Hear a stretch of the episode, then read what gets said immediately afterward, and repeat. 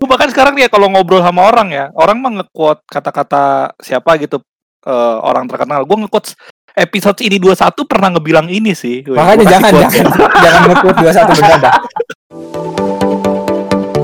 Ya kita berdua misalnya, kita berdua em, sama-sama bertahan kita berduanya lu lu sama Glenn atau lu sama Fajar nih? Kan kita bertiga di sini. Oke, maksudnya Dia sama Kita temennya kan ya. kan maksudnya kan. Oh iya, maaf, maaf, maaf. Pakai kita, harusnya pakai kami dong dalam bahasa Indonesia yang baik oh ya benar. oke. Pertanyaan yang bagus. Enggak enggak enggak pertanyaan yang bagus. Oke oke oke oke oke. Cuy, Ya, kita aku- podcaster coy, pertanyaan kita pasti bagus-bagus tuh.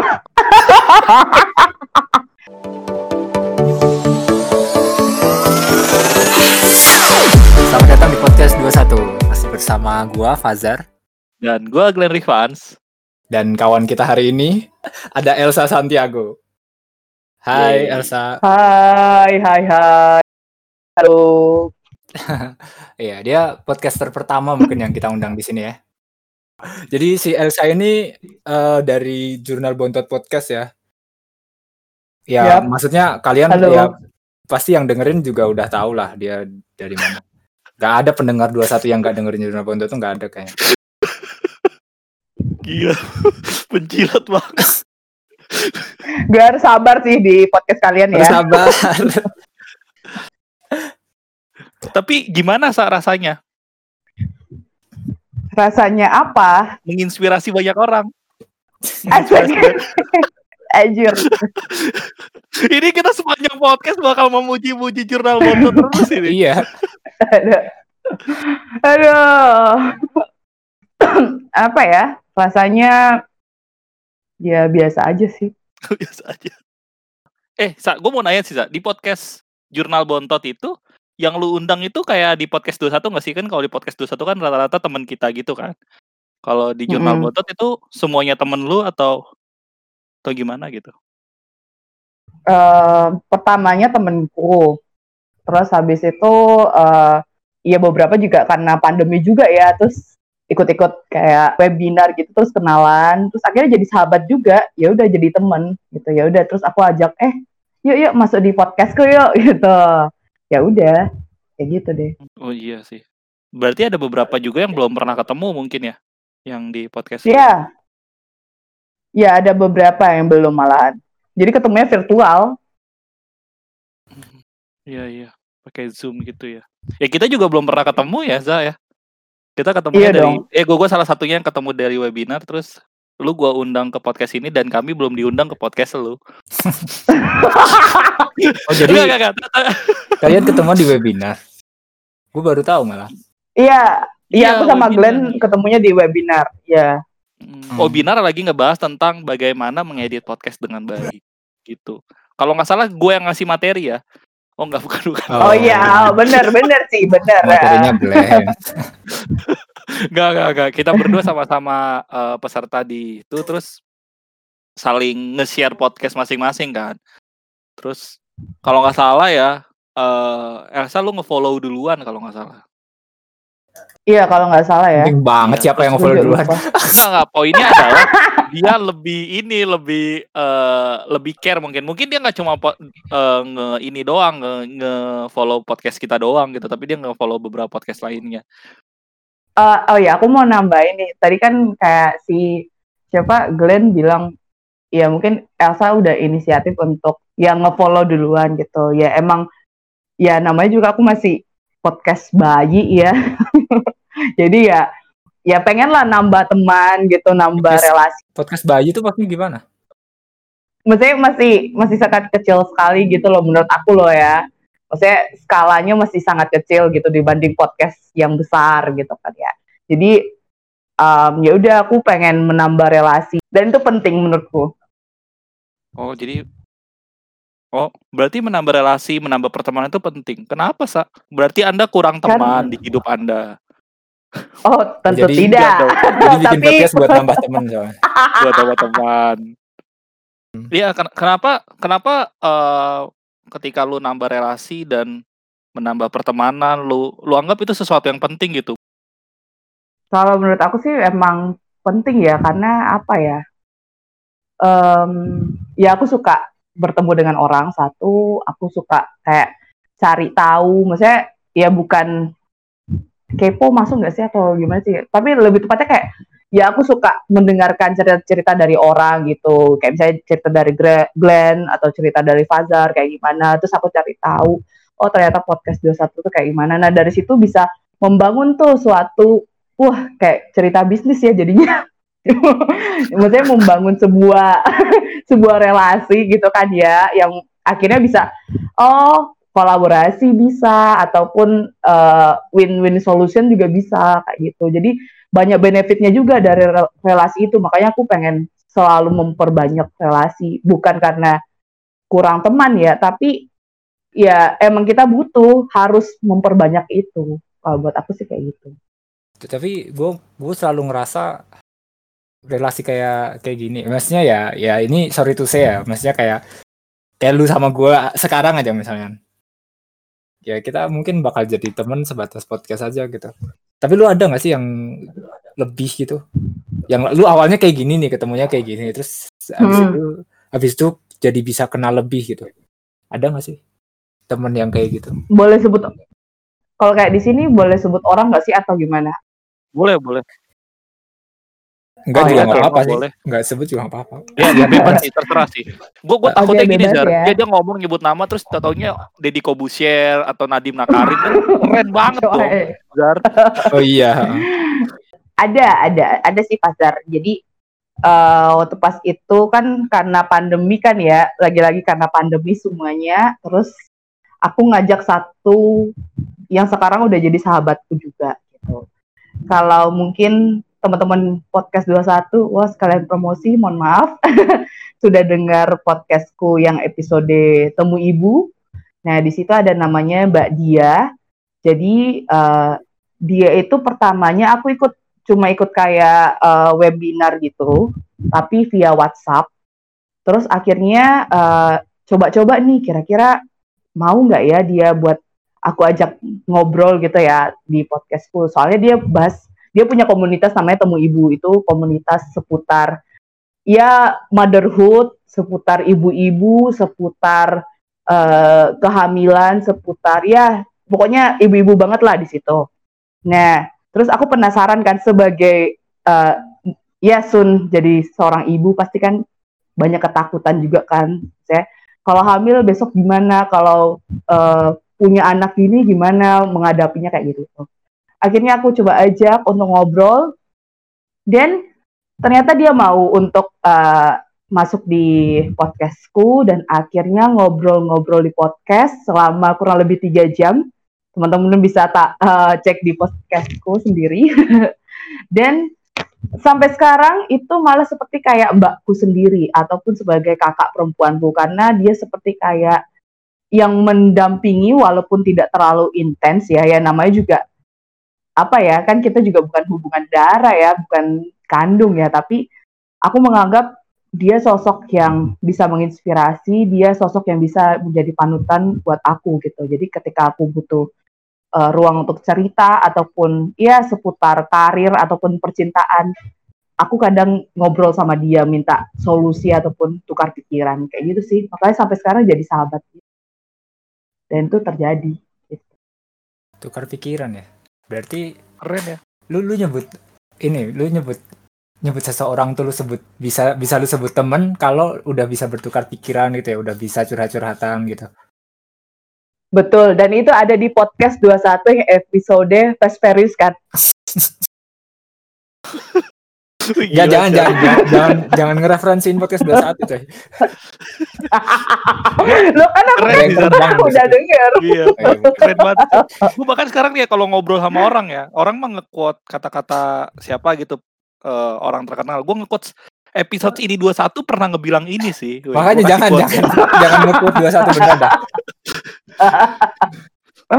eh tapi, Tapi beneran iya iya. Iya bener, iya yang ada di pod, ya, episode Fast and Furious. Tapi menarik nih Zar, gue mau nanya lu nih Zar. Lu kan punya beberapa kenalan baru lah sekarang.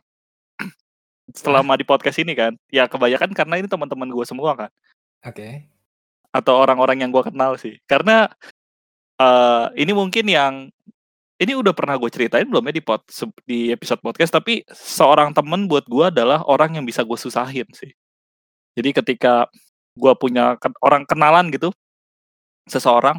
Terus kalau gue mau untuk nyusahin dia dan dia mau nyusahin gue artinya dia temen gue gitu.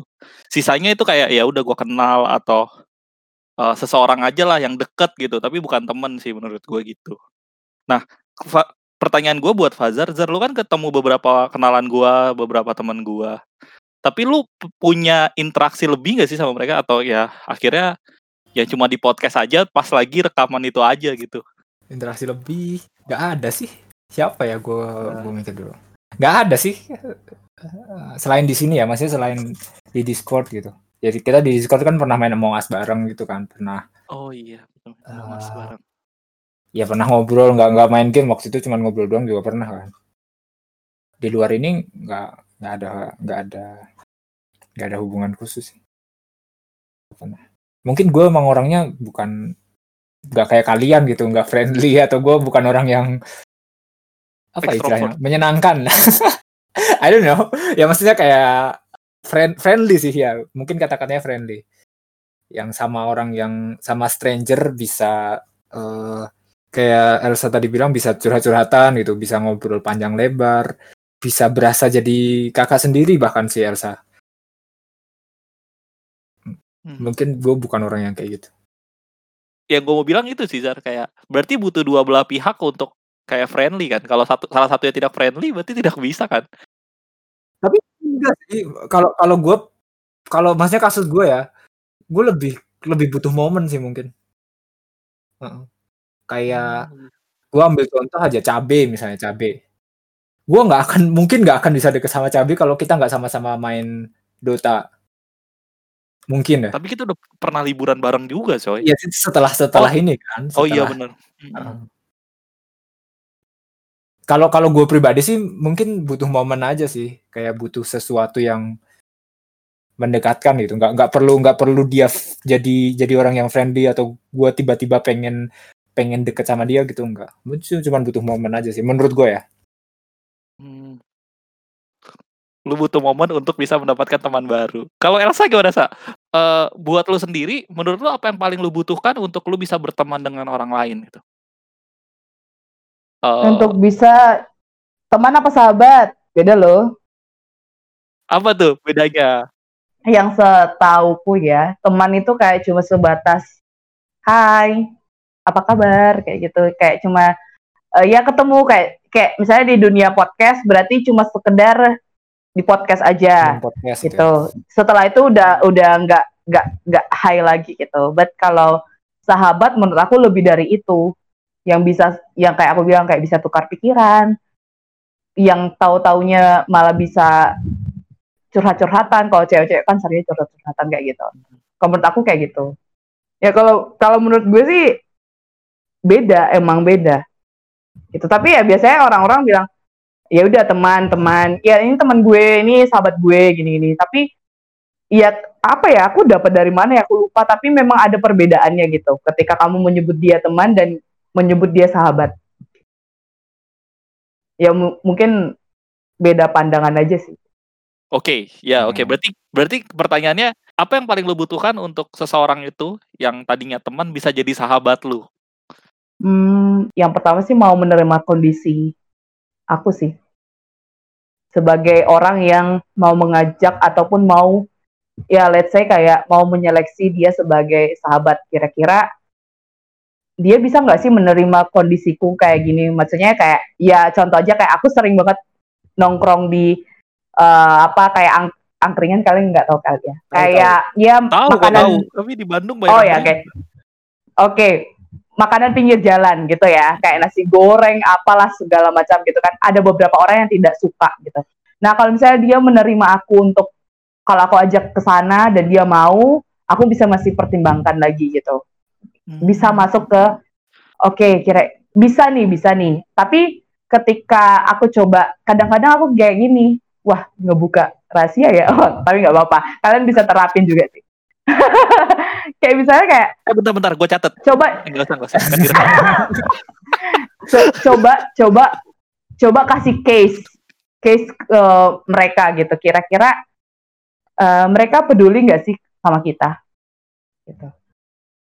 Tapi itu kayak momen-momen juga sih sama kayak Fajar Gaya itu momen lagi gitu. Kan ketika lo selisih paham dan ternyata win-win solution ataupun tidak sama sekali tapi lo gregetnya bisa sama dengan dia itu bisa dikategorikan sahabat kalau gue gitu Gede, greget. Bisa nyelesain konflik ya. Ha Karena nggak mudah sih, maksudnya.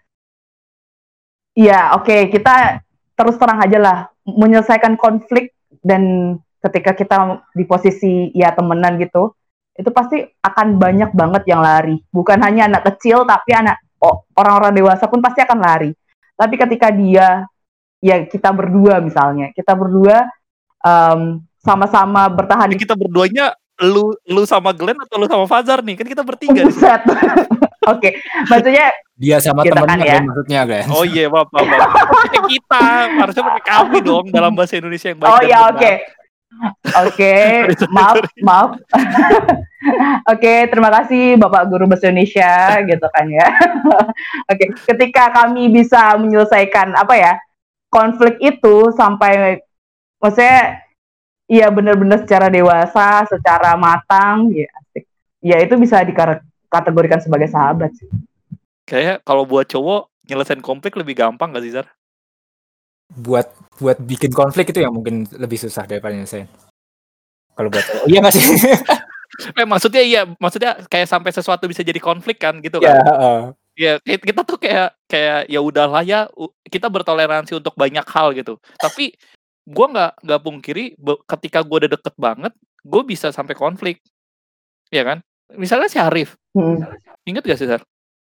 cerita sama si Arif yang gue kan dulu kan ngekos bareng dia kan terus akhirnya ada konflik besar dan eh kalau gue boleh sharing ya di di sini uh, cara untuk nyelesain konflik sama dia adalah ngasih space. Kasih space gitu. Nggak usah di apa apain dulu kasih space kasih waktu. Terus beres aja udah. Udah kayak biasa aja gitu. Tapi kalau menurut aku ya, ketika kalian ada konflik itu akan berusaha sama-sama sama-sama berjuang untuk menyelesaikan konflik ini. Gitu. Oh, iya, iya. Ketika dia ber, dia sama-sama berusaha dan aku juga berusaha untuk menyelesaikan konflik itu, itu namanya sahabat sih menurut aku. Wih, jadi quote, jadi quote.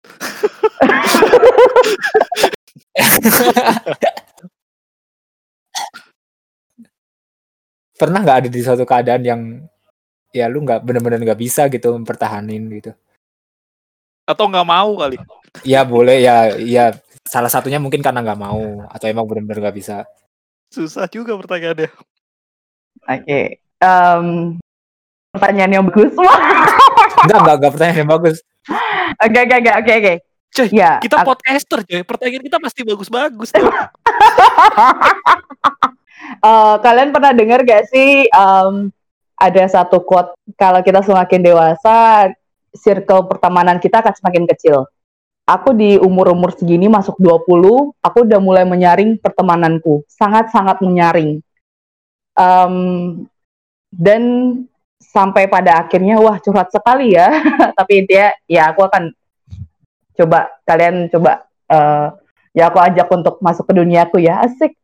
Um, apa ya aku udah dapat pertemanan itu uh, lalu uh, di pertemanan itu ternyata ada toksik di satu orang. Uh, lalu kemudian memang sudah sangat-sangat tidak um, kita yang misalnya masih satu frekuensi istilahnya um, memutuskan untuk oke okay, memang harus dikat persahabatan ini. Cut sama si A tapi menurut aku itu berat banget sih. Berat karena orang circle terdekat kita harus lepas dari kita itu itu nggak mudah coy. Apalagi ketika kita udah menyortir pertemanan kita, kita udah menyortir sahabat-sahabat kita, itu nggak mudah buat aku. Gitu. Tapi ya kalau emang udah toksik, ya harus dilepas. Nggak bisa dipertahanin. Itu sih. Berarti uh, menjadi seorang sahabat tuh suatu keadaan yang harus continuous gitu harus dipertahan emang harus dipertahankan. Nggak nggak nggak yang lu sekali sahabat selamanya jadi sahabat gua gitu. Bukan hanya dipertahankan sih tapi lebih kayak bisa nggak sih sahabat itu diajak bertumbuh? Bertumbuh bareng sama kita? Bertumbuh ke mana maksudnya poinnya bertumbuh tuh kalau misalnya perusahaan jelas kan asetnya meningkat oke. eh, karyawannya bertambah banyak gedungnya makin bagus. Tapi kalau persahabatan definisi persahabatan yang bertumbuh apa sih oke kalau buat aku ketika sahabat bisa diajak bertumbuh maksudnya adalah dalam artian kayak lo ada fit ada benefit buat gue gue ada benefit buat lo. Wah FWB dong jadinya. Aduh. Ta- tapi itu, Ya, itu, itu prinsip gua Zar. Itu prinsip gua Zar. Kalau lu apaan? Iya nggak sih? kalau lu mau gue susahin dan lu mau nyusahin gua lu sahabat gua lu teman Iya, gua. Jadi kalau lu nggak mau ya kayak nyusahin gitu. gua kalau lu nggak mau nyusahin gua so, sorry itu atau dia segan gitu enggan nyusahin gua gua rasa gua bukan temen lu gitu. Atau ketika gue gua mau nyusahin gitu ya bukan yang nggak bisa ya. Kalau orang nggak bisa ya nggak ya nggak masalah. Dia nggak mau gitu misalnya. Artinya emang dia bukan sahabat gua dia bukan temen gua gitu. Ya, ya gua gua setuju dengan kalimat tadi gitu. Ya lu mau lu ada manfaatnya buat gua dan gua ada manfaatnya buat lu gitu. Tapi FBB aduh itu bahasa jelek ya. Tadi sahabat yang bertumbuh udah bagus padahal. Ya maksudnya sama lah sama definisi lu bagus lah itu sahabat yang bertumbuh yang yang bisa dimanfaat ya yang saling bermanfaat mungkin ya. Sim- simbiosisnya mutualisme. Gue mau ini sih mau mengaitkan dengan judul judul podcast ini. Judul podcast ini kan Stand By Me ya itu filmnya Doraemon ya. Yang nggak ada nggak ada hubungannya sama filmnya sih gue mau ngomongin Doraemonnya. Kalau dipikir-pikir ya relasi antara Doraemon dan Nobita tuh istilahnya Nobita tuh sangat memanfaatkan Doraemon coy. Iya. Iya gak sih tapi Doraemon tuh ini ngerasa jadi sahabatnya Nobita gitu. Bahkan di film Stand By Me pas mereka berpisah kan sama-sama saling sedih banget kan. Atau gimana ya? Gue lupa sih filmnya. Ya pokoknya kalau gue nggak salah inget sedih lah keduanya. Karena mereka harus berpisah gitu. Itu mungkin next levelnya kalau lu tadi bilang bersahabat bertumbuh ya itu mungkin next levelnya apa bertumbuhnya udah udah bener-bener bertumbuh banget sih mungkin di maksudnya Doraemon ngasih segalanya ke Nobita dan gak berharap timbal balik. I don't know. Eh, itu salah gak sih ngomongnya? Simpelnya kayak ya kalau lo udah nemu sahabat yang kayak gitu lo nggak bakal hitung hitungan ya Nobita tuh minta apa pun ke Doraemon terus akhirnya dia bikin masalah dari apa yang dia minta. Akhirnya Doraemon juga yang ngeberesin masalahnya. Iya jadi kayak udah udah nggak ngitung ngitung kalau buat aku. Eh tapi gua ada pertanyaan ada pertanyaan bagus sih. Eh kok gue jadi bunyi pertanyaan gua? Nggak apa-apa. Tapi menurut kalian menurut kalian kalian pengen jadi sahabat yang seperti apa? Sahabat yang eh, mengkondisikan sahabat kalian menjadi lebih baik? Atau kalian pengen jadi sahabat yang menerima sahabat kalian apa adanya gitu? Ya menurut gue itu dua hal yang berbeda sih. Kalau Doraemon kalau ya kalau Doraemon opsi opsi yang pertama sih harusnya ya maksudnya Pengen- Dora- Doraemon kan pengen Nobita jadi lebih baik gitu kan nah iya betul makanya dia betul. ngasih eh, ngasih Nobita apa yang dia mau juga Tapi di akhirnya kan Doraemon selalu menerima Nobita apa adanya kan. Iya. Oke. Nah, kalau kalian gimana? Kalian pengen jadi sahabat yang seperti apa? Fajar dulu deh gue harus jawab juga ya eh gue nge-quotes film lain boleh nggak sih Boleh, boleh, boleh. boleh lah ya boleh, boleh. Kalau kata kalau kata Patrick tuh gini coy. Temen tuh nggak akan membiarkan temennya melakukan hal bodoh sendirian. Itu omongannya Patrick kan? Iya, iya, tapi akan melakukannya bareng-bareng kan. Se- sebenarnya harusnya berhenti di temen tuh nggak akan membiarkan temennya melakukan hal bodoh. Jadi kalau pertanyaannya Glenn ya pasti opsi satu sih har- harusnya ya kalau gua. Karena penerimaan itu selalu datang di akhir kan? Kayak yang lu bilang gitu at the end of the day apa pun yang terjadi ya kita akan menerima sahabat kita kan. Tapi sebelum kita ada di titik kita menerima itu kan pasti saat saat teman kita ngelakuin hal bodoh gitu. Apakah kita membiarkan gitu? Kalau contohnya Doraemon Doraemon membiarkan. Doraemon ngasih semua alat-alatnya ke Nobita. Dan di akhir dia yang desain kan. Kalau gue pikir gue enggak sih enggak. Maksudnya kayak kalau temen gue pengen pengen eh, mengambil keputusan yang menurut gue itu nggak masuk akal gitu gue pasti gue pasti akan setidaknya ngomong lah di level ngomong lah menurut gue kayak gimana gitu Kalau Elsa? Kalau kalau gue sih em, aku pilihnya B yang kedua.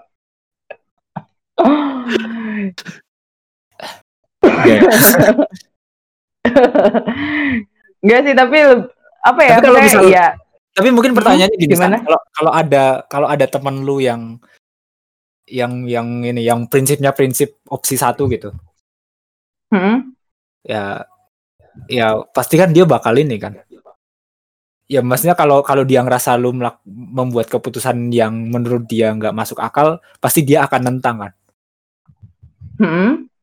Lu akan Betul. ini gak sih? lu akan ngerasa ngerasa dia nggak nerima lu mungkin atau lu nggak tahu lu akan gimana gitu Tapi kan emang di dalam persahabatan menurutku semakin banyak tentangan, semakin banyak tantangan dan ditentang itu semakin kita membuat persahabatan kita dewasa sih menurut aku. Oh, berarti persahabatan itu bukan selalu setuju dengan apa yang kita bilang ya?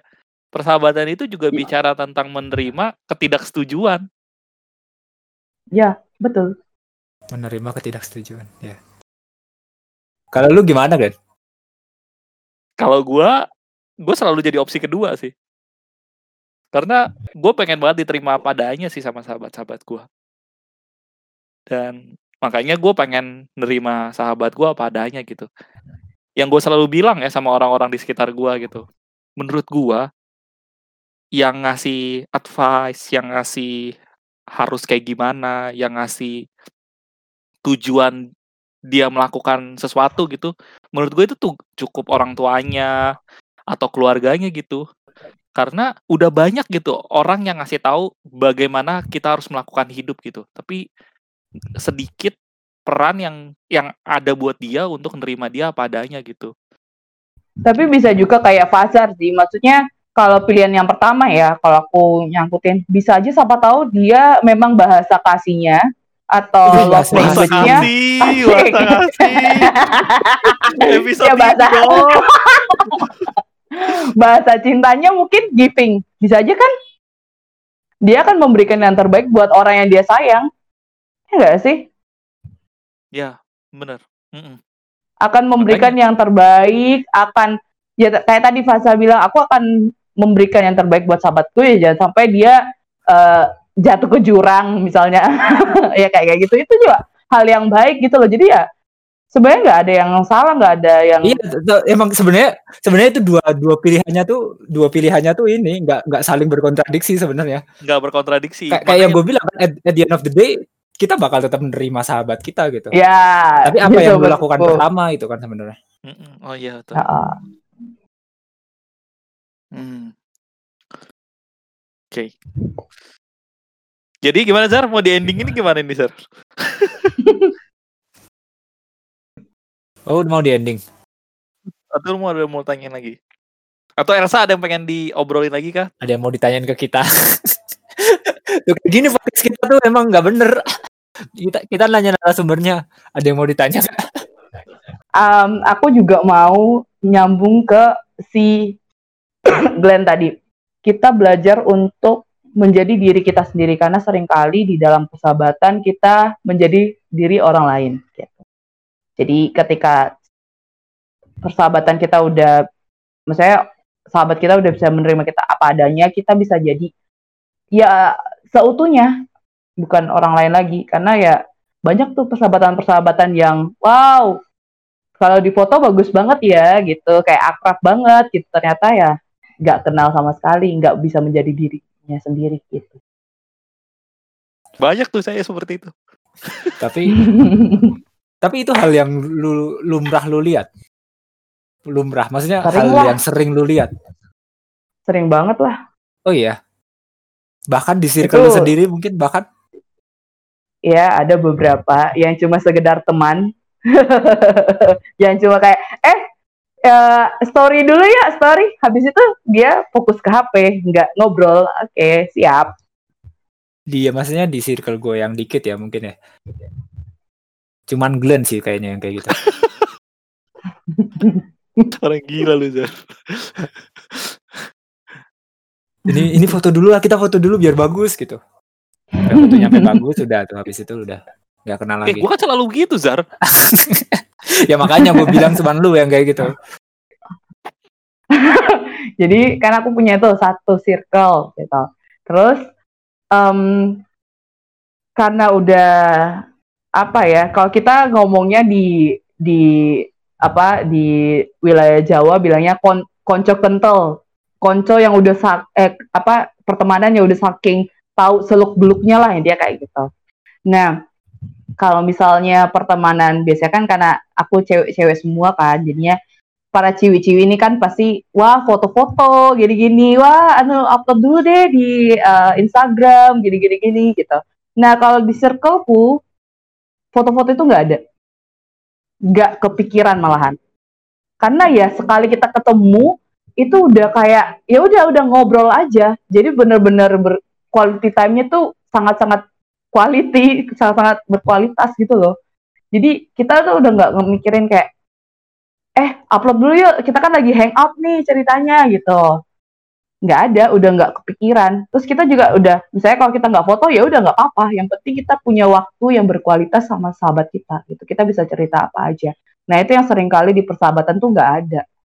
Dilupain gitu tapi kan lu nggak bisa menghakimi juga dong orang-orang yang foto akhirnya dia nggak punya quality time. Iya itu nggak apa-apa nggak apa-apa. Hanya ya aku bilang tadi kan case-nya di persahabatanku gitu loh. Sampai nggak foto itu udah udah bukan wishlist gitu loh. Kalau ketemu harus foto gitu. Kan ada yang kayak gitu juga. Kalau gue eh, sih pokoknya kita foto ya uh. kalau gue enggak sih. Bumerang bumerang bumerang apalagi kalau sekarang di Instagram punya filter-filter khusus gitu kan yang ada lagu-lagunya hmm bagaimana persahabatannya terlihat hangat padahal sedang dingin. Kita gak ada yang tahu, coy. Iya. Ya maksudnya aku juga nggak nggak ngejudge ya. It's okay kalau memang persahabatanmu seperti itu. It's okay kalau misalnya um, ya persahabatannya kayak persahabatanku juga ya nggak apa-apa gitu kan ya rules rules kita ya peraturan peraturan kita gitu. Jadi ya ya udah gimana caranya bikin nyaman persahabatanmu semoga aja sih berkualitas semuanya gitu. Akan lebih baik lagi, mending di stop aja ini terus dengerin jurnal bontot itu lebih baik.